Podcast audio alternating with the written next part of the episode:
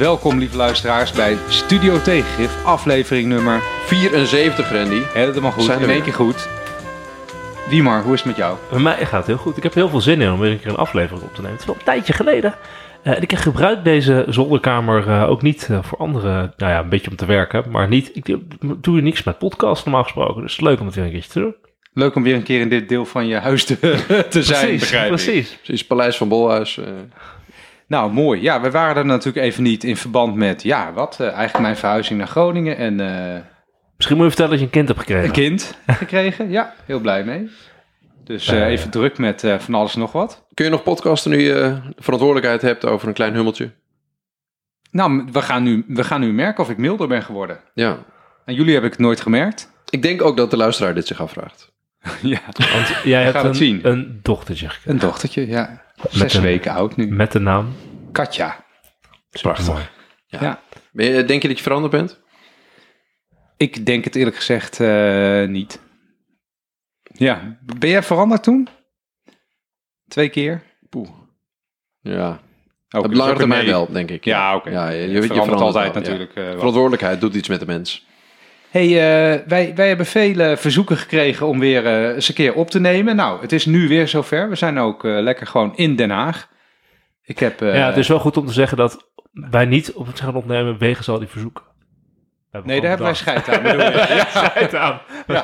Nee, Nou, we hadden deze hele- echt wel heel lang geprikt. Dat is een hele relevante opmerking die, die je nu maakt. U moet niet denken dat we dit voor u doen, Nee, lieve nou, dat is luisteraar. ook werkelijk de, hoe het Hey, zit. ik wil graag eh, naar het onderwerp. De titel, Anarchie in de Nederlandse politiek, vraagteken. Ja, nou, je kan wel zeggen dat het schip van staat behoorlijk op eh, de klip is gelopen in onze afwezigheid. Dus misschien is het goed dat we weer een keer een stukje Een stukje bieden. bieden. Ja, het is nodig. Zullen we beginnen met eh, de gekte? Het, Ja, eh, dat, dat hebben we de laatste paar keer een beetje overgeslagen. Hè? Maar dat, ik begreep dat je ook wat verzoeken hebt gekregen, Wouter. Dus nou ja, ik zou zeggen... Ja, ik stond een eh, keer voor een groep mensen en toen zei iemand die vertelde dat hij eh, al, eh, al die eh, zoveel en 70 afleveringen had geluisterd. En zei ja, vooral de gekte van de week vonden we heel leuk. Ja, nou ja, dan moeten we dus onze enige en gerespecteerde eh, rubriek toch maar weer in ere herstellen, denk ik. Omdat je N is één van één iemand hebt gehoord dat hij het leuk vond. Zoals we, eerder, zoals we eerder al vertelden, baseren wij heel weinig op grondig luisteraarsonderzoek of wat de luisteraar ervan vindt. Dat is zeker waar. Dus N is één, is dus meer dan genoeg. ik ben ook een groot fan van de gek van de week. Is prima. Gaan Nou, Wouter, kom Wouter, maar in. kom op. Wouter, Nou, ik denk, wat, wat ik de- wel echt een prachtig mooie gekte deze week vond, is gisteravond was er een half uur lang op primetime Nederlandse televisie een interview met een oud CDA-lid. Eh, Wie dan? Pieter Omtzigt Oh. natuurlijk. Eh, en en dat, het is, Die zit ja, je zit me aan te kijken. En wat, ik, dit is op zich al een best wel unieke situatie. Dat ehm, een Kamerlid een half uur, eh, volgens mij duurt Nieuwsuur meestal drie kwartier eh, als je de reclames ervan aftrekt.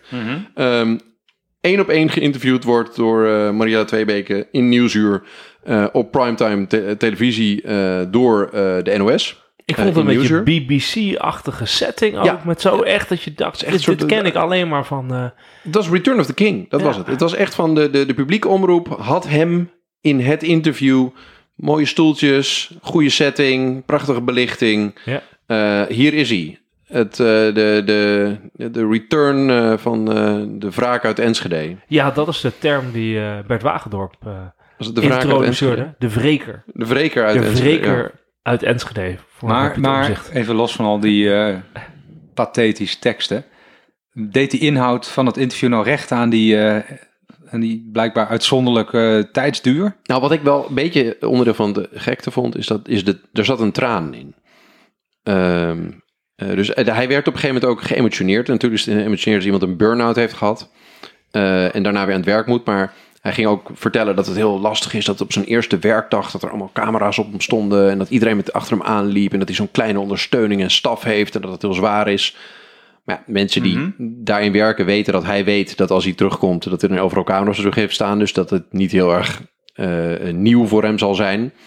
Ehm, eh, maar ik, ik denk dat de NOS goed begrepen heeft dat dit veel aandacht verdiende. Omdat wat er in de politiek gebeurd is sinds die man besloot eh, een tijdje in Enschede te blijven en zijn telefoon uit te zetten. ehm, vrij absurd is. En dat dus de, de terugkeer van iemand die eh, verketterd is door het systeem.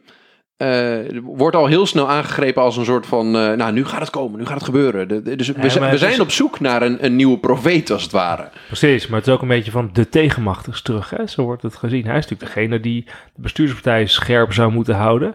En het, hij wordt wel echt heel groot neergezet. Dus dit, dit ken ik. Volgens mij heeft Geert Wilders een keer ook zo'n interview gehad. Ja. Eh, maar weinig politici krijgen dat als ze niet Fortuyn niet. Dus dit is echt wel. eh, hij is niet. Het is geen campagnetijd. Hij is niet een, een, eh, een bewindspersoon of een premier. En dat je dan zo een interview krijgt, is wel heel bijzonder. En ik denk dat het zomaar kan zijn dat als we over twintig jaar terugkijken, dat dit echt een soort rijtje wordt met. Inderdaad, we hebben mensen gehad die het hele systeem. eh, politiek systeem op wakker schudden. Dat je dan het hebt over. Eh, Pim Fortuyn heeft dat gedaan begin jaren 2000. Toen, een aantal jaar daarna, was het eh, Geert Wilders die met de grote partij kwam. En nu wordt het Pieter Omzicht. Het kan best zo'n rijtje gaan worden als je later... eh, Hij zei dat ook heel dapper op een gegeven moment op die vraag van, eh van Nieuwsuur van eh Tweebeek. Ehm, eh, hoe, hoe hij denkt dat hij het nu gaat doen ten opzichte van als iemand die meegeschreven heeft aan het CDA-programma als. En toen, toen zei hij ook heel zelfverzekerd van, moet u over een jaar aan mij vragen. Heel dapper van, wacht maar, wacht maar. En het is bijzonder, hè? want je ziet nu eigenlijk, het over anarchie in de politiek, dat, dat nu eh, Mark Rutte eigenlijk twee grote uitdagers heeft. Als in Sigrid Kagen vanuit de, de bestuurderspartijen, zeg maar de progressieve tegenstrever. Met een heel duidelijk een gevecht nu dat het anders moet. En eh, heel duidelijk dat om zich, zeg maar, van buiten het systeem eh, een soort uitdager wordt van Rutte. Dat is wel een bijzondere situatie die we nu hebben. Want ja, in die zin worden natuurlijk Wilders en eh, Baudet daar wat nou, min, op een minder hoog niveau geplaatst dan Mhm. Omzicht en terecht. Dus Omzicht wordt echt gezien als een, als een grote kandidaat tegen eh, eh, Rutte. En Kaag zie je ook toch wel heel bijzonder, eh, want wie had dat drie jaar geleden gedacht, dat echt als een tegenstrever van Rutte nu wordt, wordt neergezet en dat ook daar ook naartoe groeit. Misschien is het leuk om wel even voor de luisteraars nog te zeggen dat wij deze week wel uiterste pogingen hebben gedaan om één vast omlijnd onderwerp te kiezen Ja, voor, voor deze uitzending. Omdat wij ook wel zien dat eh, de uitzendingen met, met, een, met een helder onderwerp en vaak met, hè, met over inhoud, dat die het goed doen. En die maken we ook graag. Maar dat de, de, de, de nou ja, hoe zeg je dat? De echt best wel bijzondere bij- eh, gebeurtenissen in de Nederlandse politiek zich deze week in zo'n hoog tempo opstapelen. Want eh, je, kan, je kan 's ochtends niet bedenken waar je s'avonds het over eh, moet hebben. Want vandaag eh, trad eh, Bijleveld af. Gisteravond trad Kaag af. Ja, je kan daar geen... je, je kan daar nog geen paaltjes omheen zetten en zeggen, hier gaan we het over hebben. Ik denk ook dat deze uitzending is, nou, die komt waarschijnlijk zaterdag. Dit is een weekend zinloze uitzending. Over een week. Als wij klaar zijn, dan lezen we op onze telefoons dat er weer wat is gebeurd. eh, Ja, ik, eh, maar, waarschijnlijk. maar ook dit, dit is een soort van eh, huishoudelijke mededeling van eh, de, de, de, de, de lijn moet u niet, nou, al te veel- U moet ons niet te serieus En daarom is anarchie in de Nederlandse politiek ook een prachtige titel. want Dat vat het wel een beetje samen. Van het is, er, er, er, er valt geen pijl meer op te trekken. Ehm, en, en daarom stellen we zo'n grote hoop in een soort wijze uit het oosten... die, eh, die ons komt vertellen hoe het eigenlijk moet zitten. Ehm, maar over die wijze uit het oosten, die, ik wil nog één ding zeggen. Ehm, deze week was er ook een, eh, een geheime commissie binnen de Partij van de Arbeid aan het werk gezet. En die kwamen met een rapport over hoe, eh, de, rapport nummer 982 over hoe de Partij van de Arbeid haar, haar ideologische veren weer terug kon vinden. En eh, daarin stond onder andere dat ze het, eh, het kernthema bestaanszekerheid los moesten laten. En ik lag wel redelijk in een scheur toen ik zag wat Pieter Omtzigt als zijn kernthema wilde benoemen. Onder andere bestaanszekerheid. Dat, eh, dat hij daar ja, zich op gaat richten en als belangrijk thema. Dat, het- alles, de, gewoon het hele schaakbord lag weer omver.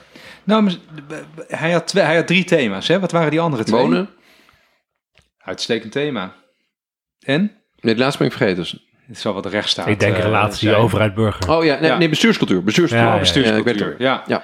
Nou, ik, ik, vond, ik heb dat interview ook gezien. Eh, ik, maar het is ook wel interessant wat hij verder nog zei. Want over de formatie werd hij ook bevraagd natuurlijk. En hij zei er moet een extra parlementair kabinet komen. En dan bedoelt hij dat de politieke leiding van eh, de politieke partijen in de Kamer plaatsneemt. En dat het, het kabinet dan wordt gev- gevormd door mensen van buiten. Ehm, hij zei ook iets... eh, ik weet niet meer precies waar hij dat aan verbond, maar hij zei dat moties tegenwoordig vrij standaard niet worden uitgevoerd. Eh, heb je dat ook gezien? Dat vond ik toch ook wel eh, opvallend. Hij verwees naar de Afghanistan-motie. waar het debat met, met Kaag en Bijleveld natuurlijk over ging. Maar volgens mij had je inderdaad ook de zorgsalarismotie. Volgens mij is de zorgslagersmotie is nu voor de derde keer of de vierde keer aangenomen, langzamerhand. Uh, Ja. Om structureel extra geld uit te trekken voor mensen in, in de zorg werken. Eh salarisverhoging. Dus dat, ja, klopt. Dat, eh. Je kan ook zeggen van nu is er een eh, demissionair kabinet. eh, er is eigenlijk is toch complete anarchie. Dus misschien dat er nu wel uitgevoerd gaat worden. Eh, dat kan nu. Nou, zal het wel eens het moment voor kunnen zijn natuurlijk. Ja, Met begrotingsbehandelingen de komende maanden, miljoenennota, de debatten erover, begroting volgend jaar. Het kan best wel nu wel het moment zijn dat het uitgevoerd gaat worden. Nou ik denk ook wel dat die begrotingsbehandeling, daar zou ik toch als minister van Financiën niet lekker naar kijken nu. Want je ziet nu dat, eh, aan de ene kant had je mensen die zeiden, er, eigenlijk zit er al een kabinet. Hè, want het, het huidige kabinet heeft zijn meerderheid behouden. Eh, en die, eh, die zitten er nog steeds. Die ministers hè, van die partij, die zitten er ook nog steeds. Maar nu zie je dat de ChristenUnie voor een motie van afkeuring. ja, maar wat je dus ziet is dat dit kabinet was demissionair, maar zou missionair blijven op corona. Maar corona is langzamerhand ieder gevoel dat corona een beetje voorbij is. Dat merk je. Dus dat, dat is niet meer. Het, het- dat begint gewoon weg te lopen in de, in de zwaarte van de agenda, zeg maar. En steeds meer komt natuurlijk wonen en klimaat en dat soort zaken. Maar wat er daarbij gebeurt is dat die vier partijen die met z'n vier het kabinet vormden, ja, daar heeft, en daar heeft Kaag nu wel een prijs voor moeten betalen.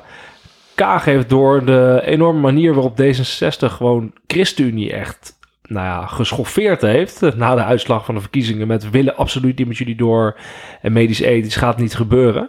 Ja, dat heeft ze nu gewoon teruggekregen in de gezicht. Want de motie gisteren, die werd gesteund door de ChristenUnie. De motie van, eh, van afkeuring. Ja, en dat was net het verschil. Hadden zij het niet gesteund, dan was Kaag blijven zitten. Dus het is echt, ja, de persoonlijke verhoudingen in het kabinet zijn natuurlijk eh, enorm verziekt. Dat eh, zie je terug, ook hieraan. En dat is ook de reden natuurlijk dat Omzicht nu zegt, doe maar een extra parlementair eh, kabinet. Waar we al die hoge pieven die het niet met elkaar kunnen vinden, Kaag, Hoekstra, Rutte, dat we die maar, nou, dan maar gewoon in het parlement laten zitten.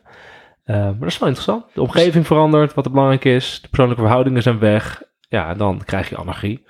Misschien is het wel leuk om even feitelijk naar voren te brengen wie er nou eh, wel en niet zijn afgetreden. Want ik eh, las de interessante feit. Ik zal Je, dat bedoelt de, de Stalinistische familiefoto. Ja, de familiefoto waarmee steeds een gezichtje zwart wordt getekend, want die is weg. Ja, dat, dat gebeurde in de Steeds periode. meer. Ja, ja, precies. Steeds Stalin meer, had meer. ook altijd van die eh En de kabinetten familiefoto is dan de bordesfoto. En dan kijken we wie er nog op staat. Nou, dit is, er dit, is, weggeknipt is. dit is wel een toepasselijke vergelijking. Want je hebt natuurlijk altijd een bordesfoto. En die is niet helemaal geschikt. Maar je hebt ook een foto waar ook alle staatssecretarissen op staan. Eh, en die is wel geschikt. Op een of andere manier zie je dan dat als je aan de linkerkant op de foto staat, dat je dan du- duidelijk een grotere kans hebt om het niet te halen. Want eh, aan de linkerkant zijn, eh, ja, ik heb, ik heb rode kruisen er doorheen gezet. Dus dan moet ik even goed kijken wie dat ook alweer zijn. En Wiebes is al weg, Bijleveld is weg. Hoe heet die mevrouw ook alweer die last van haar nek kreeg? En toen Tamara van Ark. Tamara van Ark is weg. Achter dit rode kruis staat ook iemand. Ik weet eigenlijk even niet wie dat is. Eh, dat, die kan ik niet meer zien. Menno eh, Snels is weg. Halbe Zijlstra is weg. Mark Harbers is weg. Sigrid Kaag is weg. Eh, Bruno Bruins is weg. Ank Bijleveld. Ank Bijleveld is weg. En Cora van Nieuwenhuis is weg. En het, het is heel, ik weet niet wie deze foto, welke fotograaf deze foto heeft gemaakt. Maar achter Grapperhaus staat iemand wiens gezicht volledig is afgedekt door, door het hoofd van minister Grapperhaus. Dus ik weet niet wie dat is, maar die, eh, die is er nog volgens mij. Vind je dat niet raar? Vind dat, Ja, dat is niet Ja, echt een, vind sterke vind je dat foto. niet raar voor een officiële Nee, foto? Dat is Maar niet goed. echt een sterke foto.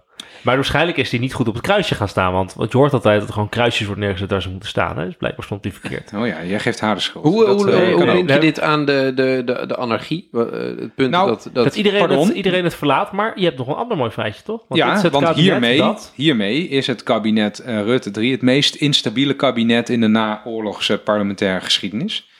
Ehm, ja, dat is, ik weet niet of jullie ook van die cijfertjes houden, maar ik vind, dat, ik vind het heerlijk om dat gewoon te weten. Dus ik zal het even oplezen. Ehm, volgens mij is dit niet, hè, niet, niet hè, dit zijn niet alle kabinetten sinds de oorlog, maar eh, Rutte, in Rutte 3 zijn nu zeven ministers afgetreden en drie staatssecretarissen. In Rutte 2 zijn bijvoorbeeld vier ministers afgetreden. Rutte 0, of Rutte 1, pardon, zijn nul ministers afgetreden. Balkenende 4, één minister afgetreden. Balkenende 3, 2. Balkenende 2, 2. Balkenende 1, 3. Kok 2, 2. Kok 1, 0 ministers. En Lubbers 3, dat is het, het twee naar meest Mhm. instabiele kabinet ooit, zes ministers. Ja, en Rutte 3 dus zeven ministers en drie staatssecretarissen. Wat, wat, Dat is ongekend eh, instabiel. Wat, wat zegt dit meer dan dat, dat het een soort. eh, nou ja, dat we er een sport van hebben gemaakt om bewindspersonen eh, te laten aftreden? Of dat het gewoon heel vaak gebeurt? eh, of dat, eh, Nou ja, ik denk dat dat iets zegt over de, over de disbalans die er nu in het, in het politieke systeem bestaat in Nederland. Ehm, Maar het is wel opmerkelijk, want als je zegt... eh, een groot probleem in Nederland is nu eh, macht en tegenmacht. En de Kamer heeft te weinig macht. Maar er worden meer ministers en staatssecretarissen dan ooit weggestuurd. ja, Kan je ook zeggen, de Tweede Kamer heeft dat blijkbaar de Kamer is te Kamer agressief in het wegsturen van bewindslieden. Of heeft heel veel macht. Of, of misschien kan ik zeggen, wegsturen is natuurlijk pas het laatste redmiddel. Of, het laatste instrument waar je naartoe grijpt. En dat doe je pas als je in de periode daarvoor het gevoel had... ik heb veel te weinig grip. eh, of en er is veel te weinig gedaan met, met wat ik als Tweede Kamer wilde. Hè? Dat, dat, dat kan je natuurlijk ook eh, op zo'n manier naar kijken. Ik wil nog even een ander feitje doen. En namelijk over een van de winstpersonen die eh, weg is gegaan. en ja, ik, ik vond het gewoon zo mooi. Er is, jullie misschien wel bekend, een bewindspersoon weggegaan. Die heet Cora van Nieuwhuizen. Cora van Nieuwhuizen was minister van. Infrastructuur en milieu en Ja, is ook minister van Economische Zaken. Ja, geweest. en in al die hoedanigheid heb je natuurlijk niks met de Nederlandse energievoorziening te maken. Dus je kan makkelijk dan lobbyist worden voor Energie Nederland.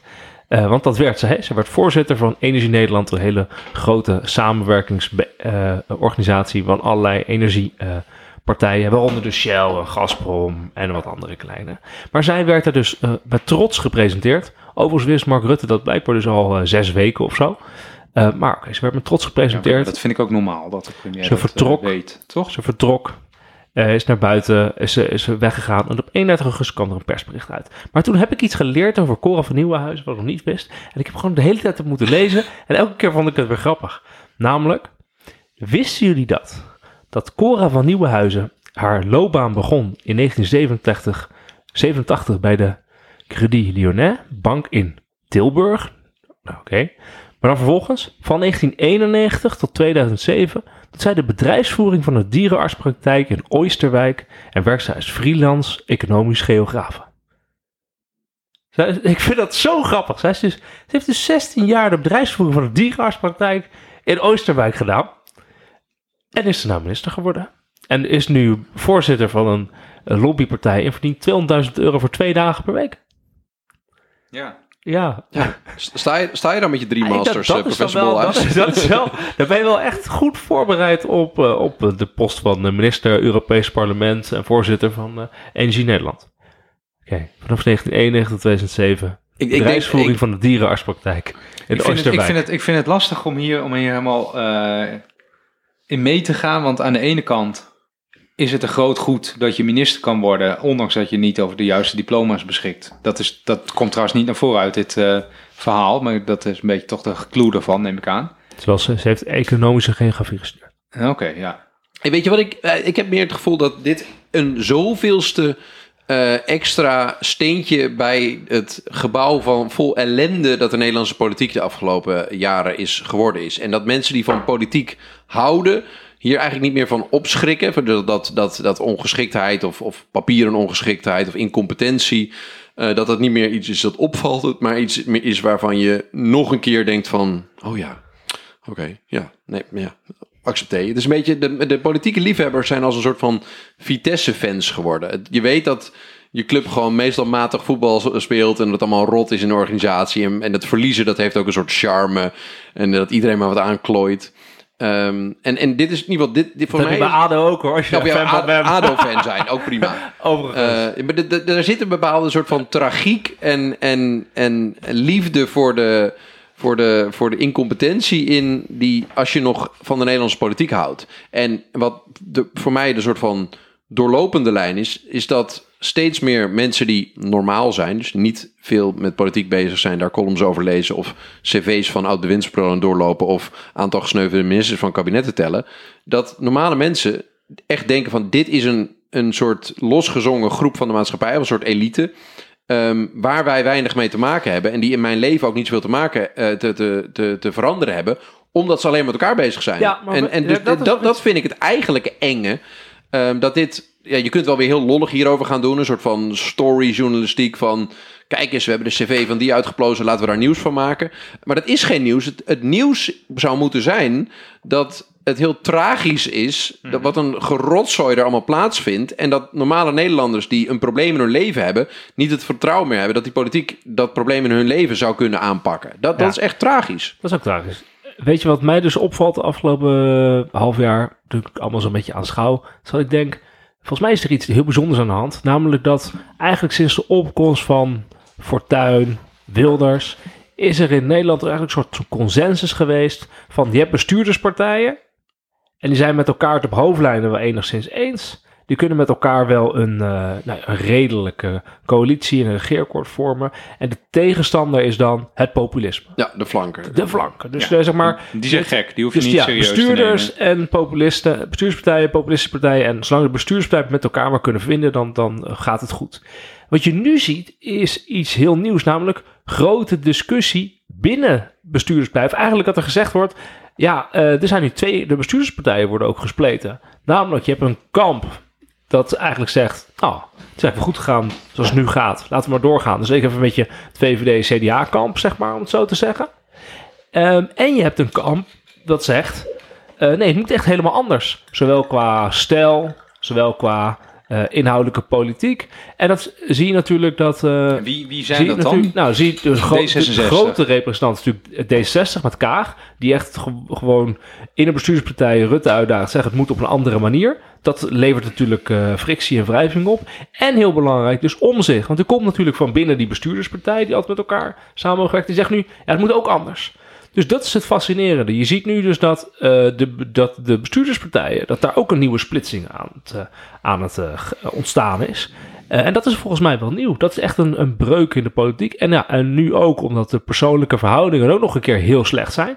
Eh sodemiet het het, het, het, manier van werken. Sodemiet het in elkaar. Hiervoor was het eigenlijk het gevoel dat je, je had de, de, de flanken tegen de elite. En nu is de verandering geworden dat het free fight binnen de elite is Ja, geworden. precies. Dus elkaar in de haren vliegen. Precies, dus je kon zeggen, oké, we gaan met elite in ieder geval de economische crisis bestrijden. We gaan als elite in ieder geval tegen het populisme zijn. We, we zijn de bestuurders, we nemen verantwoordelijkheid. Maar nu ineens is er binnen de, binnen de politieke eh, bestuurlijke elite ineens een stammenstrijd uitgebroken. Gaat het over eh, oh, CDA dat verlaten wordt door omzicht. eh, en inderdaad, Kaag die echt ja, met een heel ander verhaal komt. En het is ook een beetje de status quo aanvallen. Hè? Kaag en eh omzicht zijn heel duidelijk de, de status quo van Rutte aan het aanvallen. Ja, en dat het dus een, een politiek narratief is geworden binnen de partijen die eh, eh, de norm meestal bepalen, dus het midden zijn, dat de hele boel anders moet. Hiervoor was het zo dat de partijen die het midden vormden, gewoon VVD, CDA, D66, PvdA, die hadden nooit een narratief dat de hele boel anders moest. Dat de manier waarop zij zelf van elkaar staken anders moest. En nu zie je dat dus de partijen die de kern vormen, eigenlijk gewoon het, midden van, eh, van het speelveld, dat die langzaam of helemaal in, in, in free fight met zichzelf zijn, of dat de, het dominante narratief daar wordt, de hele boel moet anders. En de, de manier waarop we dit land organiseren en regeren is verkeerd en, en moet gaan veranderen. Ja. En dat, dat maakt het echt heel spannend. Dit, dat is daar, daar waarom het ook eh, anarchie te noemen valt. En waarom een wijs uit de oosten eh, eh, een half uur bij Nieuwsuur krijgt. Is dat, dat binnen de mensen die het voor het zeggen hebben... eh, de zenuwachtigheid onwijs aan het stijgen is. Nou ja, misschien speelt nu ook wel wat, wat, wat veel mensen al wel langer op wezen. Dat in Nederland natuurlijk een soort eh, onzichtbare lijn door het parlement loopt tussen partijen die mogen regeren en partijen die dat eigenlijk niet mogen. Ja. Hè, dat hebben die andere partijen dan bepaald, die dat niet mogen. Maar de, de meerderheid van de partijen die van elkaar zeggen: oké, jullie mogen regeren. Jullie kunnen dat. Jullie zijn hè, eh, überhaupt eh, geschikt om eh, in de treffenzaal te zitten. Ja, die meerderheid die slinkt heel erg. Want ik heb hier even dat, de coalitiebouwer van de NOS... die je dan na verkiezingen altijd eh, hè, eh, op de site hebt staan. Maar je hebt natuurlijk VVD. Kijk, als ik dan het volgende doe... namelijk alle partijen bij elkaar optel... die ooit geregeerd hebben... VVD, D66, CDA, Partij van de Arbeid, ChristenUnie... Volgens mij heb je ze dan. Ja. Eh, dan kom je, dat staat, er, dat staat er dus weer niet bij, dus dan moet je hoofd rekenen. Maar dan kom je op iets van eh, eh, richting de 90 zetels. 90. En als je GroenLinks erbij komt, wat nu zo interessant is, Ja, bij het clubje bestuurspartij GroenLinks ineens bij wordt genoemd als mogelijk coalitiepartner, terwijl het GroenLinks nog nooit geregeerd heeft, landelijk. Dus dan wordt de, wordt de groep iets groter. Dan ga je richting de 100 zetels. Als je de SGP ook nog een keer zou meetellen als mogelijk steunpunt.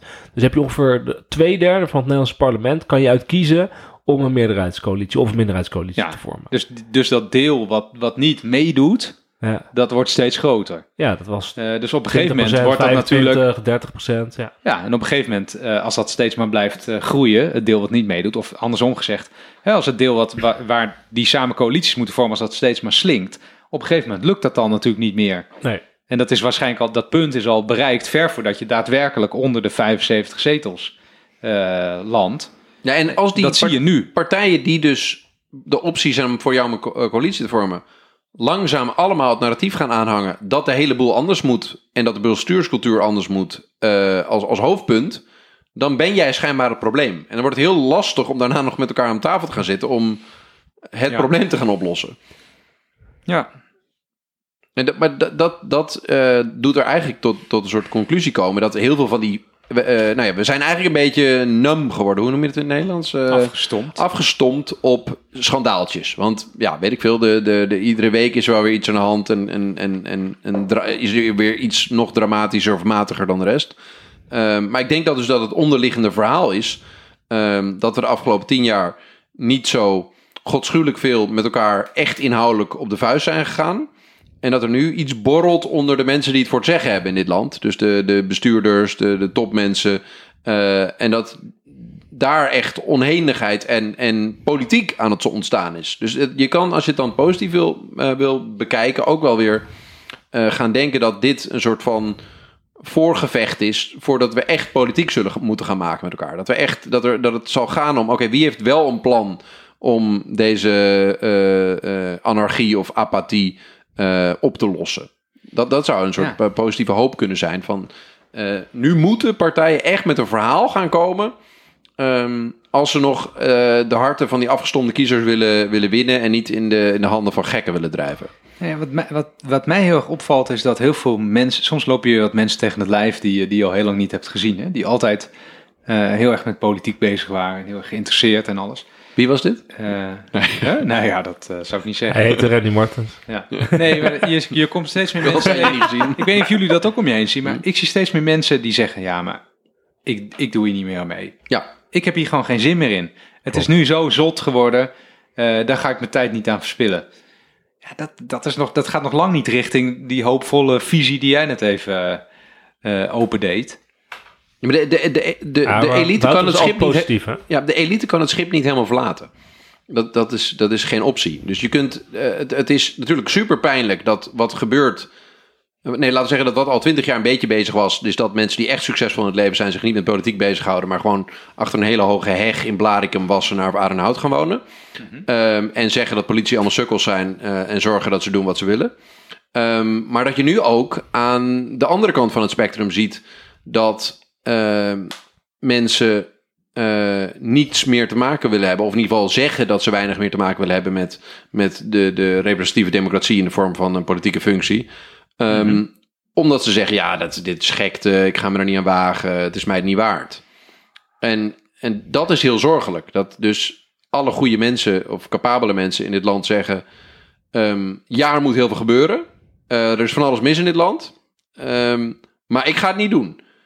Want Ja, eh, ik, ik, zie, ik zie ook nog niet hoe, dit, hoe je dit moet keren. ze snijden de nek af. Ja. Ja. Ik, ik wilde één ander dingetje nog inbrengen. Ik, had net, ik zat net dat lijstje voor te lezen hè, met eh, die afgetreden bewindspersonen. Eh, en dan zie je dat Weer zo'n per kabinet... feit. Nee, nee, ik moet er opeens aan denken. Misschien vind je het leuk om te horen. Dat in Kok 1 had je dus nul afgetreden ministers en één afgetreden staatssecretaris. En ik, ik, ik hoorde een keer een verhaal van, er was een D66-staatssecretaris in Kok 1. Ik weet niet meer wie het is alleen, dus dat is een beetje jammer. Maar die, die wilde niet, eh, die, zei, die, had, die, die kwam bij Kok en die zei, ja, ik ben niet meer beschikbaar voor eh, Kok 2, het volgende kabinet. Want ik heb mijn vrouw beloofd dat wij gaan zeilen eh, om de wereld. Oh, dat was belachelijk waarschijnlijk. Kok vond dat echt gestoord. Ja, Ja, ja. Die, die was woedend. na wat ik, ook eh, toen Wouter Bos stopte. Die zei, ja, ik wil meer tijd met mijn kinderen doorbrengen. Dat vond iedereen ook debiel. ja, maar dat, dat, eh, ja, dat lijkt daar wel een beetje op. Want toen had ik ook een beetje het gevoel dat het een eh, andere Ik reden moet had. eerlijk zeggen dat ik wel een... het- er is wel een verschil tussen ik wil een reis om de wereld zeilen of op voor mijn kind zorgen. Maar, Ja, of Nou je ja, kan maar- gewoon zeggen dat het hetzelfde is. Maar Nee, maar niet, Oké, mijn jij- punt, mijn accepteer. punt, dit staat ook allemaal, dit is de, de, de vloek van deze podcast. Het staat helemaal totaal los van het punt wat ik, wil- wat ik wilde, wilde maken. Namelijk dat, dat, je, dat je toen, eh der tijd, een premier had die als zo'n staatssecretaris kwam van, ja, maar ik wil aftreden. Dat hij zei, dat is belachelijk. Wat doe jij nou? Ben je, hè? ben je gek geworden? Hoe durf jij zo weg te lopen van je verantwoordelijkheden? Hè? Om te gaan zeilen, nota bene. Ik weet niet of dit allemaal zo eh, gezegd is. Hè? Dus- Nou, ik, ik wil wel even rondmaken. Want dit is denk ik waarom eh, zo iemand als Omzicht, eh, de wijze uit het oosten of de vreker uit Enschede. Kunnen we alsjeblieft, al die, kunnen we alsjeblieft die belachelijke teksten Oké, nee, ik vind het gewoon, achterwege ik vind het laten? gewoon lollig. Dat hij mensen aanspreekt omdat ehm, mensen zien dat het authentiek is. hij, In heeft ieder hard, hij heeft hard voor de zaak. ja, dat- hard deze de man die, die heeft, zo, ja, het, verhaal klopt, hij heeft een burn-out gehad, heeft zichzelf letterlijk gewoon het, het ziektebed ingewerkt. En dit is wat hij doet, waar hij in gelooft, wat, waar hij voor, voor ademt. Mhm. En eh, veel van die mensen die, die wa- wat jij beschrijft, wat je mooi vond in bij- bijvoorbeeld aan, aan aan Wim Kok of de mensen die toen in het kabinet zaten, is dat dit was een roeping. Dit was wat je doet. Eh, dat, en, en, en je gaat dat niet, je gaat niet wat anders doen, want dit moet. Het land heeft dat jou nodig en, en jij bent daarvoor geschikt, omdat jij de meest capabele bent. En dan, wat, wat we eigenlijk zien is een soort van ja, eh, een, een inflatie in het de, de, de niveau van het beroep politicus. Dat we nu vaak, dat heel veel mensen in dit land denken, nou ja, ik ben eigenlijk veel capabeler. Ehm, maar de groeten, ik ga dat niet doen. Eh, ik heb daar geen trek in. Ja. Eh, en dat we daarom Ja. gelukkig worden wanneer er nou een, een meneer, een oud lid van, een, van het CDA opstaat.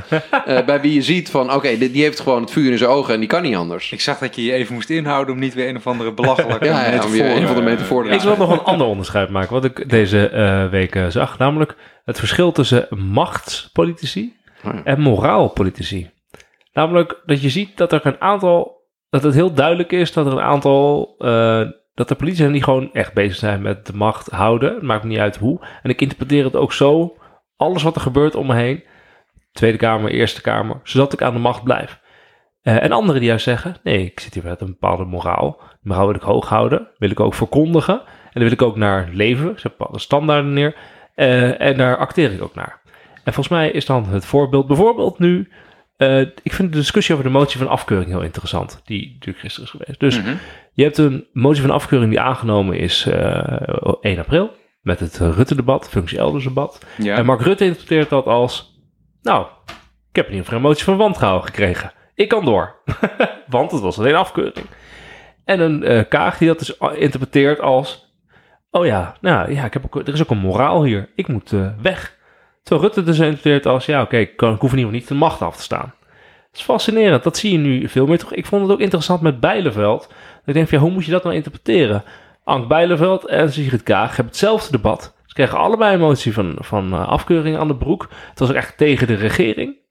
En de een zegt, ik stop ermee. En de ander zegt, ja, nee, ik eh, ga gewoon door. Is dit en niet- pas na dwang van het CDA zegt Bijleveld, ik, eh, ge- geef, ik stap ook op.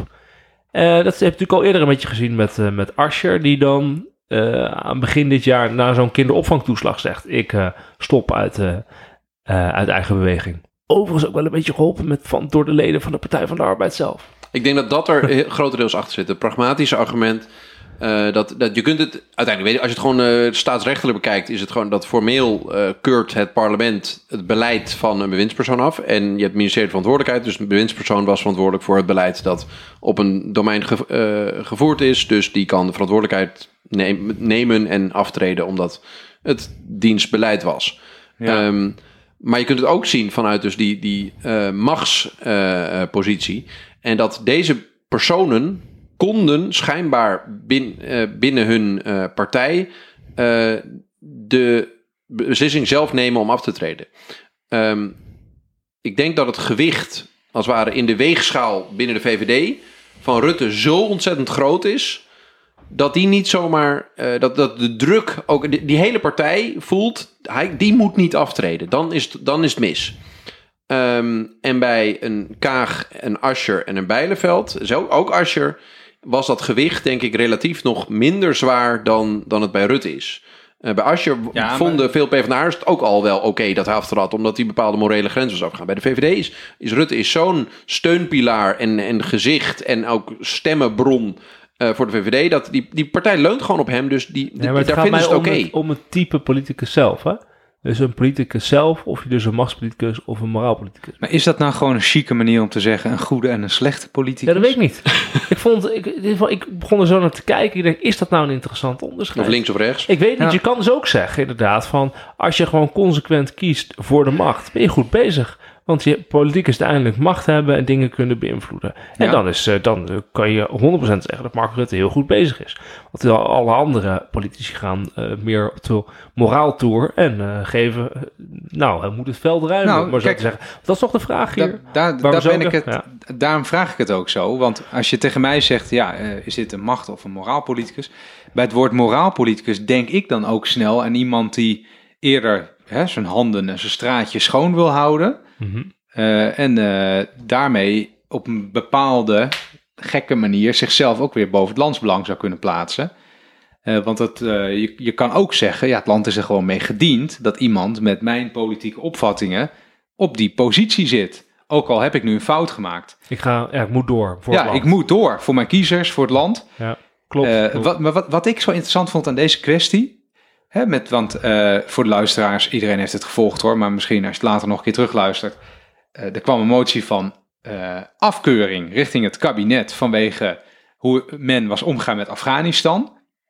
Toen zei minister Bijleveld van Defensie. Maakt niet uit wat er gebeurt of hij wordt aangenomen, ik blijf zitten.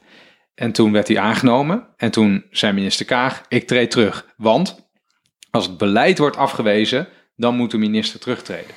Maar toen dacht ik, ja, maar dit laat misschien ook wel zien dat de Nederlandse bestuurlijke elite niet meer dezelfde taal spreekt. Van wat betekent dat woord? Ja. Eh, letterlijk bedoel ik dus. Wat, niet dat ze Duits spreken of zo, maar wat betekent dat woord afkeuring nou? En wat, wat betekent het woord wantrouwen? En wanneer spreek je welke uit? Want Rutte kreeg een motie van afkeuring aan zijn broek. ja. Maar dat had eigenlijk een motie voor wantrouwen moeten zijn. Want het was niet het beleid wat afgekeurd werd. Het werd eh, zijn persoonlijke integriteit, omdat Ja, ja, hij had gelogen, werd Ja. gewantrouwd. Ja. Dus je kan ook gewoon zeggen, ja, eh, jullie hebben toen gewoon de verkeerde motie aangenomen. En nu is het eigenlijk anders. Namelijk bij Kaag eh, wordt niet zozeer het, het, het- nou ja, daar kan je van mening over beleid, schillen. gaat over beleid. Maar het was ook een, gewoon een fout om dit te laat te doen. Dus je kan ook zeggen, ja, hè, je, hebt je hebt het gewoon verprutst. En daar geven we nu uiting van in de motie. Ja, moet je dan aftreden? Je kan heel terecht de vraag stellen, als je het over landsbelang hebt. Komt er nu een minister van Buitenlandse Zaken die beter is dan? Nou, in, in, in, een, in een reguliere situatie zou dat bij een demissionair kabinet minder relevant zijn, want die gaat geen spannende nieuwe dingen doen. Eh, en er zou onderhand wel eens een kabinet mogen komen. Ja, Wat- Daarover. Ja, toch? Er zijn eh, op Twitter mensen die zaken aan ons vragen om te bespreken. Waaronder Mark Beek- Beekhuis. Die vraagt. Is dit... Ga je wellicht- besmijten, Randy? ja sorry, ik leg het even uit aan luisteraars. Ik pak een glaasje super- water en Wiemars iPad die leunt daar tegenaan en alles gaat helemaal mis. Sorry Wiemar, ga verder. Is dit nou een super move van Kaag? Of een move, move die zo. Een move die haar eh, sterker maakt in de formatie, in de politiek. Eh, de komende weken, als ze op, waar gaan ze ook weer in Hilversum op landgoederen gaan ze toch. eh Landgoed veel woorden, of verzin ik Ja, het nu? ik eh, weet niet. Maar in ieder geval, nou, daar, daar praten ze door. Kasteeltje. Formatieweekend, toch? Het weekend, ja. Ja. Nou, Oké, ik heb hier wel een theorietje ja. over. Ehm, wat, wat ik, ik, volgens mij heb ik dat al eerder een keer in onze podcast gezet. Dat ik, dat ik dacht dat Oh, het maar zitten dan. Lekker, lekker, lekker. maar. Eh, dat ik dacht dat het, dat het een briljante set van Kaag kon zijn als ze bewust erop aanstuurden van we gaan het argument dat ChristenUnie niet mee mag doen vanwege me- eh, medisch-ethische redenen gaan we opkloppen, zodat we als enige optie over hebben dat we met GroenLinks en eh, eh, PvdA samen gaan, want die blijven elkaars hand vasthouden en dat is onacceptabel voor de rechtse club, zodat het eh, niet gaat werken. Want ehm, ik heb zo'n zelfvertrouwen dat als er eh, eh, nieuwe verkiezingen komen, dat ik het ga eh, winnen. Dus Ik dacht van, nou, dat zou een theorie kunnen zijn. Ehm, en als dat zo is, dan zou het inderdaad dus ook kunnen zijn dat dit ehm, eigenlijk die keuze vanuit een soort moreel argument van ik neem mijn verantwoordelijkheid, want ik vind dit gewoon niet oké. Ik vind dat je als je motie van afkeuring krijgt, dat je dan weg moet. Dat het uiteindelijk een soort van zet is in, het, in de grotere schaakpartij van eh, beste Mark Rutte, ik heb nu eh 25 zetels en jij eh, zoveel en 30. Ik zou wel eens eh tête à tête, mano a mano, eh, eh, nog een keer die verkiezingen aan willen. Want ik denk dat ik Dus jij zegt minister-president kan worden. Gaat aansturen Dat is mijn theorie. Maar ik denk dat Randy nu gaat zeggen dat het toch de stelling van Welling is. En ik denk dat hij dan ook gelijk heeft. Ja, ik wou inderdaad zeggen dat het de stelling van Welling is. En dit- dat eh, geeft aan dat dit geen meester Z kan zijn. Maar volgens mij, als je heel rustig kijkt wat er gebeurde, dan kun je ook concluderen dat dit geen meester Z is. Want Kaag kon niet weten dat zij een motie van afkeuring aan de broek zou krijgen. Ze was ook zichtbaar gechoqueerd toen hij werd ingediend. Eh, vervolgens eh, wordt hij aangenomen. En toen moest zij, om iets van haar geloofwaardigheid te behouden, en wellicht ga- gaf het ook uiting aan haar daadwerkelijk gevoelde opvattingen, moest zij wel aftreden. Want zij had eerder gezegd dat de minister die een motie van afkeuring krijgt, moet aftreden. Dus ja, er waren geen opties. Dus dan kun je ook niet spreken van een meesterzet, Nee. zou ik Nou, dit is zeggen. gewoon in, het, in de, de heat of the moment het juiste doen. Zo zou je het ook kunnen noemen. Volgens mij heeft zij gewoon gedaan waarvan ze eerder zei dat ze zou moeten doen onder Ja. deze omstandigheden. Eh, Maar je kan wel natuurlijk eh, nadenken over het feit of dit nu een oplossing biedt voor de politieke impasse die nu eh, ontstaan is. En dat zou zomaar kunnen, want eh, D66 bij eh, gratie van haar partijleider Sigrid Kaag is losser gekomen van eh, Rutte 3. Want ik merk eh, aan al die partijen, of ik niet dat ik dat nou zozeer merk, maar ik bedoel, je ziet aan al die partijen dat ze zich echt opgesloten voelen in Rutte 3. Want de ChristenUnie, die er niks meer mee te maken wil hebben, Die plaatst Die- zich echt erbuiten ja, nu. die, pla- die steunt gewoon moties van, van afkeuring tegen, tegen kabinetsbeleid. Sterker nog, er was een bewindspersoon Ja, dus uit het kabinet die ook Kamerlid is voor de ChristenUnie. ja, de minister van. Landbouw, die zit nu ook weer als Schouten. Carole Schout als Kamerlid, zo, eh, eh, zoals dat gaat, eh, in de ChristenUnie-fractie. En die stemt gewoon me- mee tegen de motie van afkeuring tegen haar eigen kabinetsbeleid. Want de motie was niet een af van afkeuring tegenover de personen Kaag en eh Bijleveld, maar tegen het kabinetsbeleid. Dus dat is ook bijzonder. Je kan je ook afvragen of dat in lijn met de grondwet is. Maar goed, er Nou, wel sowieso, vaker dingen. Hè? Maar het laat in ieder geval wel Ja. zien dat een Kamerlid met een dubbele pet ook gewoon echt goed de regering controleren. We hebben natuurlijk al veel discussie gehad over Kamerleden die hun kamerzet, kamerzet niet opgaven en wel winpersoon Ja, de, de Car- Carola Schouten, die Tweede Kamerlid was, vond dit gewoon niet in de haak. Ja, die heeft Eh, gewoon gezegd, nee, bam, ik ben, eh, ik ben tegen, ik steun de motie van afkeuring. Nee, maar het Daar is, kan je ook naar kijken. Daarom vind ik, kijk, wij hebben natuurlijk het woord anarchie in de titel. En dat is ook omdat wij natuurlijk soms ook maar wat doen en ook niet beter weten. Maar ergens is dit wel een gepast woord. Qua Ja, titelkeuze. dit Ja. is wat we nu bespreken. Is Dit is anarchie. Er is geen Ja. sturing meer, er is geen macht meer, er is niet... eh, iedereen doet waar hij zelf zin in heeft. Dat is wat je nu ziet gebeuren. Nou ja, en tot op het punt dat eh, er zelfs tegen wetten in wordt gehandeld. En dat was ook wat, wat Ja. omzicht, waarvan ik zeker niet mee wil doen aan zijn heilige verklaring. Ondanks dat we eerder wel enthousiast waren over zijn boekje. Jij vooral. Hè?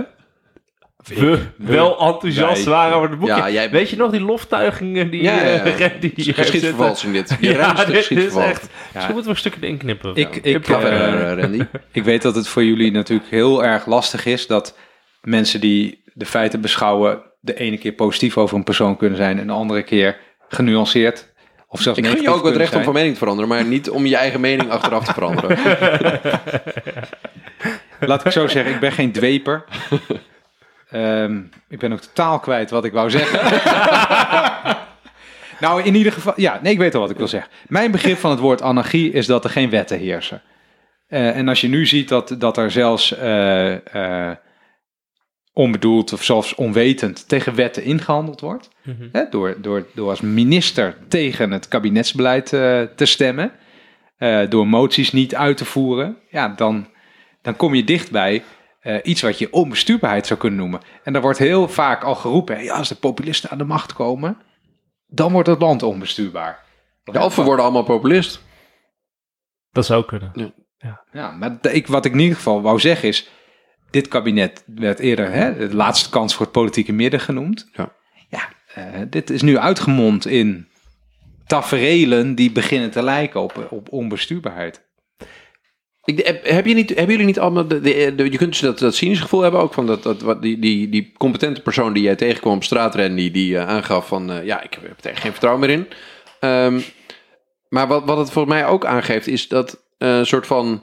Ik weet niet of hij competent was hoor. Ja, Ja, Ja, ik oké. zit net te denken. Je, kan- je bent hier op straat tegengekomen en je weet zeker dat die persoon gewoon competent was. Dat kon je gewoon zien. Ik, als, ik, kon je ruiken. als ik door de winkelstraat loop, dan zie ik zo competent, Ik heb niet competent. Ik, heb het ook. ik zie ook zo heb die- toch ook als je over een straat loopt, Ik zie een denk beetje je- van die aura's rondom mensen. Ja. Heb je dat ook zo? Nee. Ja.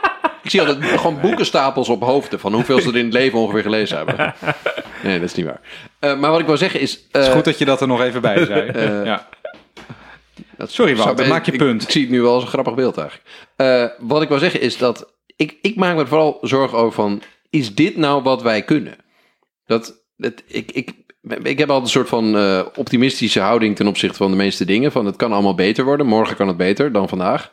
En ik denk dat als wij als 17,5 miljoen mensen hier bij elkaar wonen... is dit nou de manier waarop wij macht en, en waarde eh, in ons groepje mensen op aarde gaan verdelen. En ik, ik vind gewoon die, die incompetentie, dat, we kunnen daar heel erg klagerig over doen dat het een bestuurlijke elite is. Maar het is ook gewoon, dat zijn de beslissingen die gemaakt worden over ons leven. Omdat dit is hoe we dat laten Ja, doen, dan wijzen we ook naar onszelf. ook wel het gevoel dat je het afgelopen half jaar, jaar ook wel ziet dat er steeds minder draagvlak is om, eh, voor de beslissingen die de regering neemt. En ook om die te volgen. Ik voel dat er dus ook meer, steeds meer protest is in de samenleving, toch? Tenminste, ik weet, overigens heb ik daar geen feiten van. Is Mhm. hoe ik het, hoe ik het voel, of hoe ik het ervaar. Dat je wel eens eh, denkt van nou, er wordt steeds minder goed geluisterd naar de overheid. Als je het vergelijkt met bijvoorbeeld eh, vorig jaar eh, dieptepunt coronacrisis. Toen werd Nou, ook heel goed geluisterd. ik heb wel een Nu voorbeeld. Zie je wel dat het steeds minder gebeurt. Oh, ik weet waar het over gaat hebben. Theo Maassen. Theo Maassen. Theo ja, Maassen, die- Eh, in, was het nou in Tilburg? Ik weet niet meer waar het was. Die gaat in ieder geval een theatervoorstelling geven. Gewoon in een volle zaal. Tegen de wet in. Eh, anarchie, zou je Ja, kunnen zeggen. anarchie. Lichte farm natuurlijk. Als je het woord maar anarchie gebruikt, dan denken mensen... Ja. er worden mensen doodgeschoten in de straten. Het is gewoon een Maar het cabaretvoorstelling is heel interessant. Ja. Wel, g- gaat er nu gehandhaafd worden? Of gedogen ze dit? De overheid moet dit wel handhaven. Weet je wat het is? Je kan wel met z'n allen van mening zijn. Ik ben heel ouderwets hierin. Conservatief kan je misschien beter zeggen. Als de overheid de wetten niet handhaaft, dan wordt het een chaos uiteindelijk. En het begint natuurlijk met Anarchie? een, eh, ja, maar het begint met een cabaret, eh, cabaretier die voor een volle zaal gaat staan. Nou, dan kun je zeggen, who cares? Maar het eindigt eh, natuurlijk eh, in, in meer vreselijkere dingen. Ja, gewoon met een hakbijl je buurman hoofd inslaan. De overheid moet de wetten handhaven, want Het gaat wel heel ja, snel. het ging heel snel bij Fout. Ja. Van een cabaretvoorstelling naar... Ja, dat is gewoon hellend vlak. Hoe gaat het met jouw buren eigenlijk? Hoe gaat het met jou? ja, hoe gaat het met jou? Nee, eh, je had er net een, een goed verhaal, Randy. Nee, maar- een goed verhaal. Ja, ik wou zeggen, zijn jullie het daar toch niet mee eens? Dat het dan wel heel snel mis kan gaan. Ja, maar ik vind, ik vind, wel- dit, ik wel- vind dit wel een vrij ge- gerechtvaardigd idee. Dat sinds dat hele Formule 1 gebeuren, eh, waarbij eh, nou ja, de, de overheid zelf gewoon de regels die het stelde als eh, multi-interpretabel ging, eh, ging uitleggen.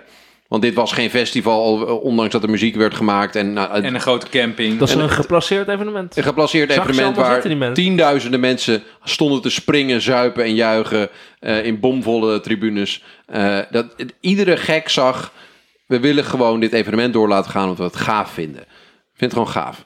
En daarvoor wordt het handhaven van het beleid dat we zelf hebben vastgesteld, wordt even, wordt even een beetje, een beetje verbogen. Ehm, Ja. En sinds dat moment gebeurt eigenlijk precies wat jij dan beschrijft. Gaat ook een Theo Maassen zeggen van nou, nou dan mag ik ook. Ja, ja, goed met je. Dat, klopt. Ja, en dat, dat is toch... Ik moet ook wel zeggen van, eh, we, zijn, we zijn nog niet echt oude lullen, hè, maar we zijn wel weer, alweer wat ouder dan toen we 18 waren. Maar toen dat, wa- wa- was je ook altijd veel met politiek bezig. Toen dacht ik ook wel eens, ja, maar weet je, oké, dat is toch een wet of een verdrag, maar dan, maar het moet gewoon, hè? Dus dan verscheur je dat toch gewoon, dan doe je dat toch gewoon.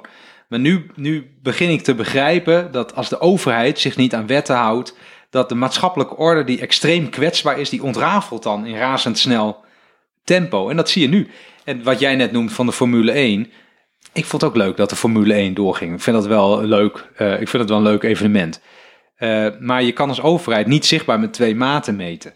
Want dat pikken mensen niet. Ja, dat, En dan krijg je dus ja. dit. Dan krijg je Theo Maassen die zegt, oké, dan ga ik ook. Hè? Met, met 100 mensen. Het zijn nog geen 70.000. Dus dat kan eh, makkelijk. Ja, dat, dat telt dan toch op aan een gevoel van chaos. Maar dat, dat is dus de zorg die, die eh, nou ja, het is misschien vast een beetje cliché, maar die, dat vind ik heel, dat Cenk Willink legt dat heel mooi uit. Dat als de, de- dat, dat morrelen aan de, de democratische rechtsstaat en dat dat ook begint wanneer je willekeur op bepaalde elementen toe gaat laten in je maatschappij, dan is dat misschien voor sommige groepen leuk, maar voor andere groepen betekent dat dat dus de hele rechtsstaat zwakker wordt, want Ja. hij geldt minder. Eh, en dat, dat is hartstikke zorgelijk. En dat, dat, dat, dat dan vervolgens die mensen die rechtsstaat moeten dienen met elkaar, over elkaar heen rollenbollen. ehm, ver- verzwakt het vertrouwen dat het weer goed gaat komen. Maar het is natuurlijk geen willekeur. Bedoel, de, de, de rechtsstatelijke principes worden natuurlijk een beetje gerekt in het voordeel van hele duidelijke groepen. Ik bedoel, eh, Namelijk? nou ja, dat we, dat we het oké vinden dat eh bewindspersonen inderdaad gaan lobbyen op terreinen, Ja. terwijl ze het zelf eh, daar echt wel bij betrokken zijn geweest, terwijl ze eigenlijk nog gewoon minister zijn. Dat is gewoon, dat is dat een beetje rekken. Ja, dat is heel duidelijk voor een bepaalde groep. Dat gaan we bij iemand in de bijstand niet doen. Toch?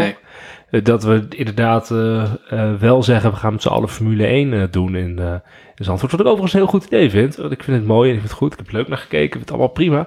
Eh, maar dan moet je het ook op andere terreinen. eh, bijvoorbeeld de kunst, cultuur, moet je het ook toepassen. Dus er is wel duidelijk dat er met twee maten wordt gemeten. Heel, heel duidelijk. Ja. Overigens, als laatste. Eh, ik heb het gevoel dat we richting... Hoezo einde als gaan. laatste? Ja, dat voelde we. Ik zat nog even te vind het bedenken... gezellig, moet ik Kunnen we zeggen. even het heel gezellig. We, we kunnen gewoon zeggen dat het laatste gedeelte is. Het laatste blokje, jongens. Ja, laatste blokje, leuk. Kan heel lang duren. Laatste blokje, ja. Goeie de. Ga je weer, luisteraar? stap.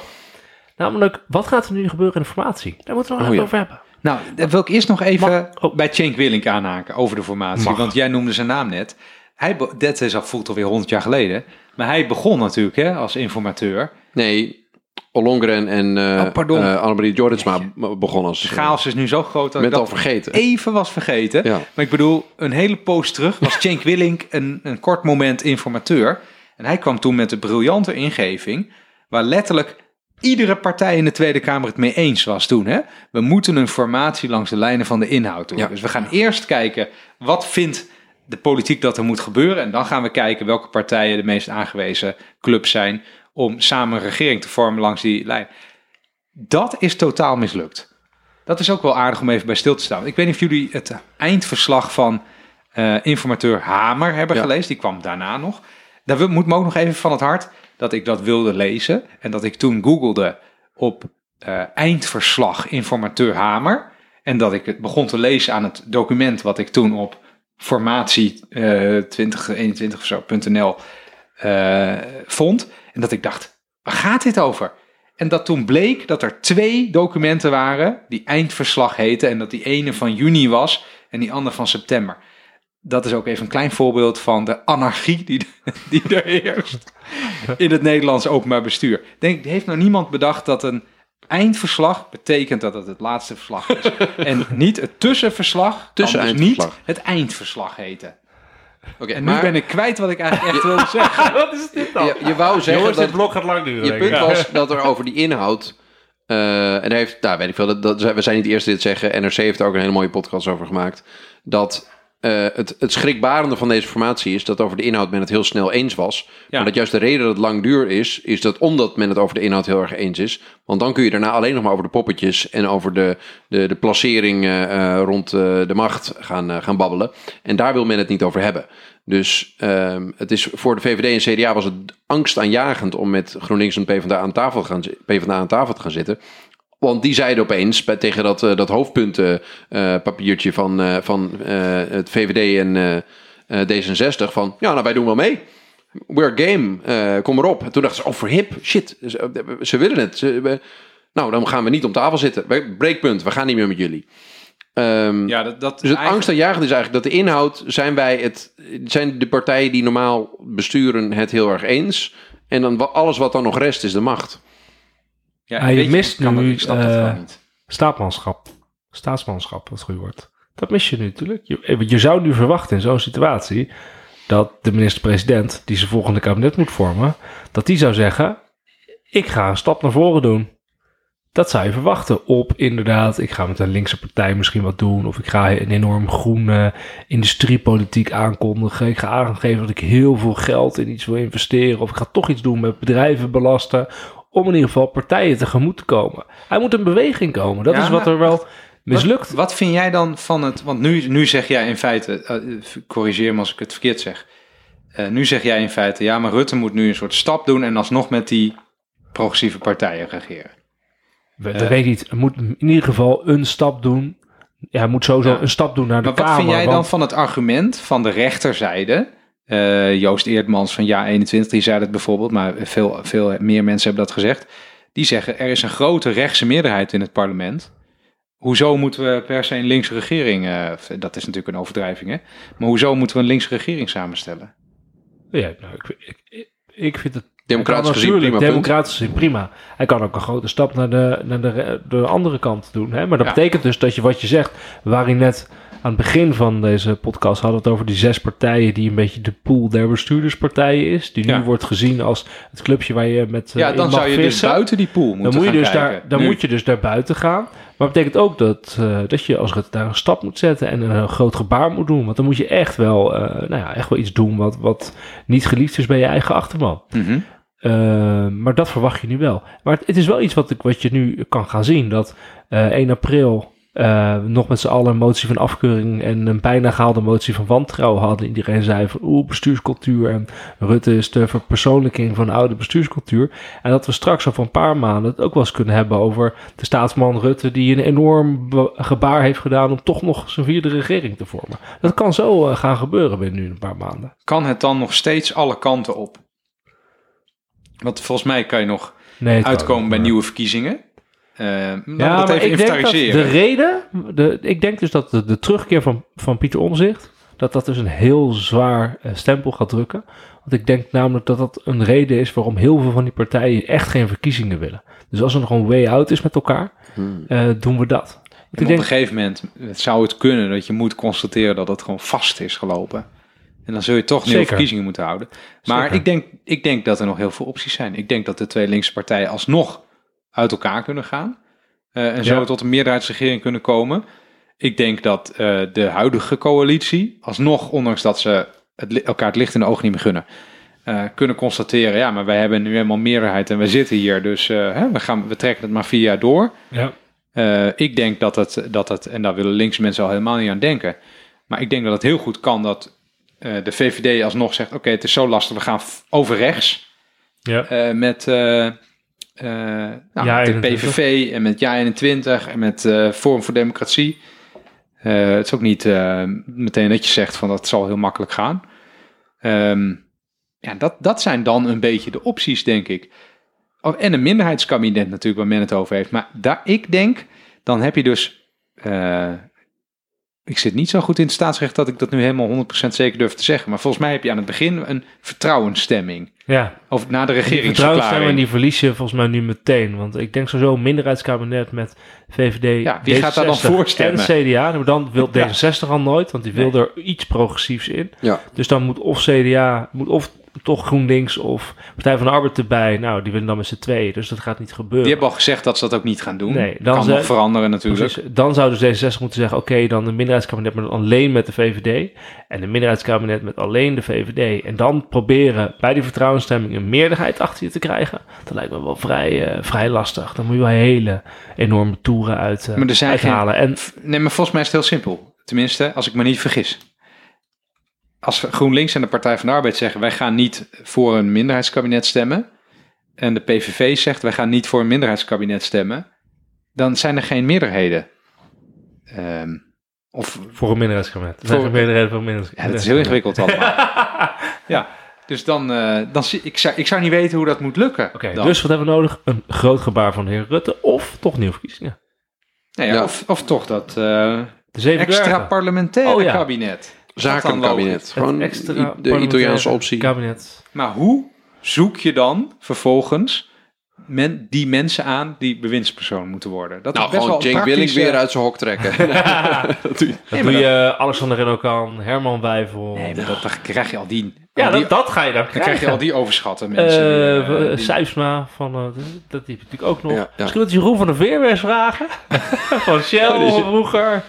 Heeft uh, Gerrit Sal nog wat te doen? Ja, dat soort types krijg je dan. Gert Salm is, uh, staat onder verdenking van... Uh, ja, ja. Weet, al deze mensen... Maar uh, Wimar, jij ziet het als een maar reële optie dat, dat Rutte, die nou, niet bekend staat om zijn. eh, nou, wel om, bekend staat om zijn flexibiliteit. En om zijn, zijn drang om bestuurlijk een, eruit te komen. ehm, nu aan zet is om een geste te maken. eh, en op een paar punten die voor D66. dat als er nieuwe verkiezingen zijn, dat dat een enorme... nieuwe verkiezingen aankomen, dat wordt Mhm. een enorme smet op de reputatie, op het blazoen van, van Rutte als premier.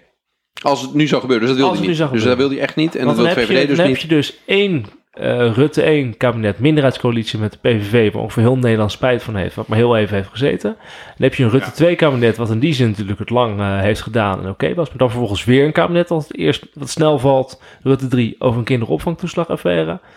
En niet snel, hè? Die hebben, die hebben bijna vier jaar gezeten. Sorry, oké, maar die valt over meer de opvangtoeslagaffaire, daar heb je gelijk in. En dan vervolgens na verkiezingen eh, de, de langste formatie ooit, met vervolgens de uitkomst. Ja, inderdaad, ooit. We gaan weer verkiezingen uit. Eigenlijk zeg je, hij staat nu heb in de je hoek. echt wel... Moet. Nou ja, het is meer van hoe wil je dat de geschiedenis eh, je herinnert. Dat is de vraag aan Mark Rutte nu. Ik denk, ik, ben- ja, ik, ben Ik vind, ik vind dat het heel plausibel wat je is. zegt. En ik denk ook dat binnen de VVD de druk immens zal zijn. Want daar weet men inderdaad, de, het, het gewicht van die man in onze partij is immens. En de opvolger staat niet klaar, dus we kunnen eigenlijk niet zonder. Dus die zal nu een geste moeten maken die in het belang is van de belangen die wij dienen. Ehm, en nou, dan, dan is dus, het dus in ons belang dat hij gaat zeggen... ik ga heel toeschietelijk zijn op de woningmarkt, op het verduurzaming... op alle dingen waar ik eerder lastig op deed. Ehm, ben ik nu jullie staatsman en stap ik over mijn eigen schaduw heen... en vertrouwt u maar gewoon het landsbelang in mijn handen. Dat gaat gebeuren. Nou, ik denk, goede kans. En dan is de vraag wat eh, Kaag eh, gaat antwoorden. Dat hij durft te zeggen... Nee, Mark, ik doe het niet meer. En wie moet er in We deze er regering gaan zitten dan? Ja, waar hij vandaan? Ik ga al slijmen dood. Nee, ik, welke partijen bedoel jij dan? Eh, Eh, ik, ik vermoed nou, denk, dat ze dan met het CDA en, eh, en ja, de, de, de grootste optie schat ik in. eh, een van de linkse verleiden met een hele grote toezegging. Lijkt me het meest plausibel. En dan gewoon die, die twee uit elkaar weken. Ja, is het dat, Misschien moet je een partij proberen te, over te halen die bestaanszekerheid niet meer zo heel interessant vindt. Dat is wel makkelijk. dat is een blauw grapje. nou, is of, het, is het, of je gaat groene industriepolitiek voeren. is het ook niet een serieuze Ja, vraag? maar ik denk dat dat gaat sowieso gebeuren. Ja, maar het, kan het wordt wel meer credible dat je het Ja. echt doet op het moment dat GroenLinks meedoet natuurlijk. Hè? Nou ja, je, kan ook, je kan ook toch dat, eh, de, de vraag op tafel krijgen of het nu wel in het landsbelang is dat de Partij van de Arbeid en GroenLinks elkaar vasthouden. Ik eh, was daar heel erg voor. We hebben daar zelfs een podcast over Ja. gemaakt. Hè? Of tenminste, wij zeiden toen volgens mij allemaal van ja, dat zou heel verstandig zijn en ook goed. De peilingen laten het er ook zien. Dat, dat mensen, eerder zijn op, het die, daar ook mee op die eens. fusie zouden stemmen dan Ja. op een van die twee los. Ik had ook het gevoel dat in Nederland heel veel begrip was voor die opstelling. Maar als je nu te maken hebt met een totaal vastgelopen landsbestuur. eh, en dit is dan een oplossing. Ik denk dat het risico is dat, dat de, de achterbannen daar beide het gevoel kunnen gaan hebben van nieuwe verkiezingen zijn toch in ons belang. Eh, Ja. Dus eh, bekijk het maar eh, eh, met je staatsmanschap. Eh, we gaan wel naar de stembus, we zien wel. Ja, Maar dit hoeven wij niet op te lossen. Hè? Nee, Even, nee, nee. nee. we hoeven dit niet op te lossen. Ik denk niet. Ik, ik, ehm, eigenlijk denk ik dat de kans gewoon wel groot is dat het toch gewoon het huidige kabinet doorzetten wordt. Met ChristenUnie erbij. Ja maar kan je wel... Kan, ja, ik Heb denk ik het ook hoor. Maar kan je nou wel samen regeren als je eh, geen onderling vertrouwen hebt? ja, en weet dat mensen jullie gewoon niet meer vertrouwen. Nee. Dat, dat, is, dat is het allergrootste risico. Dus je, je wil gel- geloofwaardigheid, eh, eh, komt te voet, gaat te paard. En eh, dat, dat, dat, dat is wat, wat mensen ook voelen dat ze zelf mogelijk missen. Daarom gaan ze allemaal van die Het ministers zijn gaan. toch ook volwassen mensen. Je kan toch Ja. gewoon ook zeggen van we hebben hele domme dingen ge- gedaan naar elkaar en een beetje te lomp geweest naar elkaar en iets te dat kom op dat is was fout geweest. Kom we gaan nog een keer zitten. We gaan proberen eruit te komen. Dat moet toch kunnen. Het is toch niet alsof Segers en en Kaag Ja, is niet- never nooit meer. Is dan misschien die grote, die grote geste waar jullie het over hebben van Rutte? Is die niet dat hij zegt, ik stap opzij en eh, we leveren een andere premier? Dat zou zomaar kunnen, maar we hadden net het onderscheid tussen machtspolitici en moraalpolitici. En ik denk niet dat Nee, Rutte maar dan- opzij gaat. Als, je, als jij net zegt, eh Rutte is bezig met zijn plaats in de geschiedenis, dan is, dan is opzij stappen om een oplossing te bieden voor, een, voor de meest vastgelopen Nederlandse formatie sinds de oorlog. We lachten nog om België, hè, uh, een paar jaar geleden. Dit is veel erger, Ja, het is- volgens mij. Eh, en het, hangt, het, begon met, met, eh, het begon rond de persoon Rutte. Toen begon het vast te lopen. Dit zie je, ja, dit, dit- Ja, ik zie het hem wel doen. ja, ik ja. zie het er wel doen. Ja, tuurlijk. Weet je, je kan wel zeggen dat is een cynische machtspoliticus die alleen maar aan zichzelf en zijn eigen macht denkt. Maar ik geloof ook wel dat mensen toch wel ergens nog aan het landsbelang denken. En ook wel aan hoe ze dan zelf dus in de geschiedenis komen versus dat landsbelang. En het landsbelang lijkt er, lijkt er op een gegeven moment wel mee gediend dat een aantal mensen, dat is echt niet één individu, maar dat een aantal mensen zeggen, ik Wij- stap van wij het podium, we maken ruimte voor een nieuwe generatie. En dat bedoel ik niet per se jongere mensen, maar Ja, maar een andere nieuwe mensen. generatie. Kijk, eh, de, de- dit is de nieuwe generatie. Hoekstra en Kaag, dat, dat, zijn, dat is de nieuwe generatie. Alleen Rutte is natuurlijk van de oude generatie. Ploemen is in die zin eh, Ja. nieuw als fractievoorzitter, lijsttrekker. Hoekstra ook. eh, Ja. Kaag ook. Dus in die zin, ja... je kan niet- wat ik dus soms wel eens denk? is gewoon Rutte is natuurlijk degene die, de, die echt eh, een paar eh, generaties van eerder is. Die, die loopt Ja. zo lang mee. Maar ver- da- volgens mij dat vertekent, volgens mij. Want premiers in Nederland, ik vra- vraag me niet waarom, maar premiers in Nederland hebben de neiging om een aantal rondes mee te gaan. Maar voor heel veel andere politici geldt, als je kijkt naar hè, hoe dat eh, de parlementaire geschiedenis in Nederland is, dat die vaak maar één kans krijgen. Of één, één periode hebben waarin zij aan de macht zijn. Dus de afgelopen jaren had je de, nou, Diederik Samson, die is weg. Eh, en eh Lodewijk Asscher, die ging al veel sneller weg dan hij dacht dat hij, dat hij zou gaan. Pechtold heeft eigenlijk nog wel lang meegelopen, misschien. Maar ik, ik denk dat wij, wij willen al, al- alle journalisten en, en, en een groot gedeelte van Nederland wil in het hoofd van Mark Rutte kijken. Eh dan ga je niet lukken. En ik, ik vind het heel lastig zit vast te stellen of hier bij ons een soort, of nou de hoop spreekt of de verwachting spreekt. Eh, en ja, het, het, het zou zomaar kunnen. En ik, ik denk dan dat als je het van een afstandje bekijkt, het afhangt van hoe groot de druk binnen de VVD is ten opzichte van Mark Rutte om door te gaan. Dus hoe sterk eh, wil het VVD-apparaat van ho ho, we hebben niet iemand anders klaarstaan, wij gaan imploderen als jij willen- ermee kapt. Die willen natuurlijk dat de hij VVD doorgaat. is Mark Rutte op dit moment. Ja. Ja, ja. Als Mark Rutte stopt, dan implodeert de VVD. ja maar dus, dus al die mensen daaromheen, om hem heen, die zijn afhankelijk van hem. Het is Ja. mee, net als in de maffia. If the boss is dead, dan, heb- dan kan de, de clan Ja. een probleem hebben. dan, komt, dan komt er anarchie in de VVD. Ja. En Klaas Dijkhoff is volgens mij ook niet meer beschikbaar, want die, eh, toen hij uit de politiek stapte, dacht ik dat hij een bedrijf heeft opgestart. Maar later las ik dat hij lobbyt voor ExxonMobil. Ehm Hij zat wel naast elkaar doen, toch? Ik denk dat de moraal daar ook niet eh, de allerhoogste voorste tree zit. Volgens mij gaan we richting een afronding. Eh, is het blok eh, voorbij? Eh, volgens mij wel, hè? Ja, we hebben, we hebben voorspeld wat er gaat gebeuren. We hebben eh, onze analyse gegeven van nagenoeg alle ontwerpen die de luisteraars hebben aangedragen. Ja. Binnenkort gaan we weer opnemen, toch? Eh, moeten zo? we even... Gaan we door? Vonden we het een goed eh, was geslaagd? Nou ja, de, de wijze uit het noorden moet af en toe komen opdraven. Eh ja. Randy woont tegenwoordig in. Groningen. ja, maar dat, we hebben een schema. Hè? We hebben een schema tot en met januari. In ieder geval volgens mij nog vier keer. Ja. Eh, dus ongeveer om de drie weken eh, gaan we een eh, podcast de eter inslingeren. Laten we volgende keer, want dit, we moesten nu wel eh, over deze actualiteit praten. Dat kon niet anders. Laten we de volgende keer weer een mooi onderwerp eh we uitdiepen. weer een lekker themaatje. eh, Dus Ja. kiezers die de een voorstel hebben. Kiezers? Sorry, luisteraars. Luisteraars die een voorstel hebben. Stuur het naar Wouter. Yes. Lekker makkelijk. Stuur wel, die gaat er ook mee doen. Lekker. Die doet ook al de edit, hè? die doet dat soort dingen. Eh dankjewel voor het luisteren. Eh, ik vond het super gezellig. Wij gaan, Abonneer nog, wij gaan nu wel een glaasje wijn drinken. Goeiedag.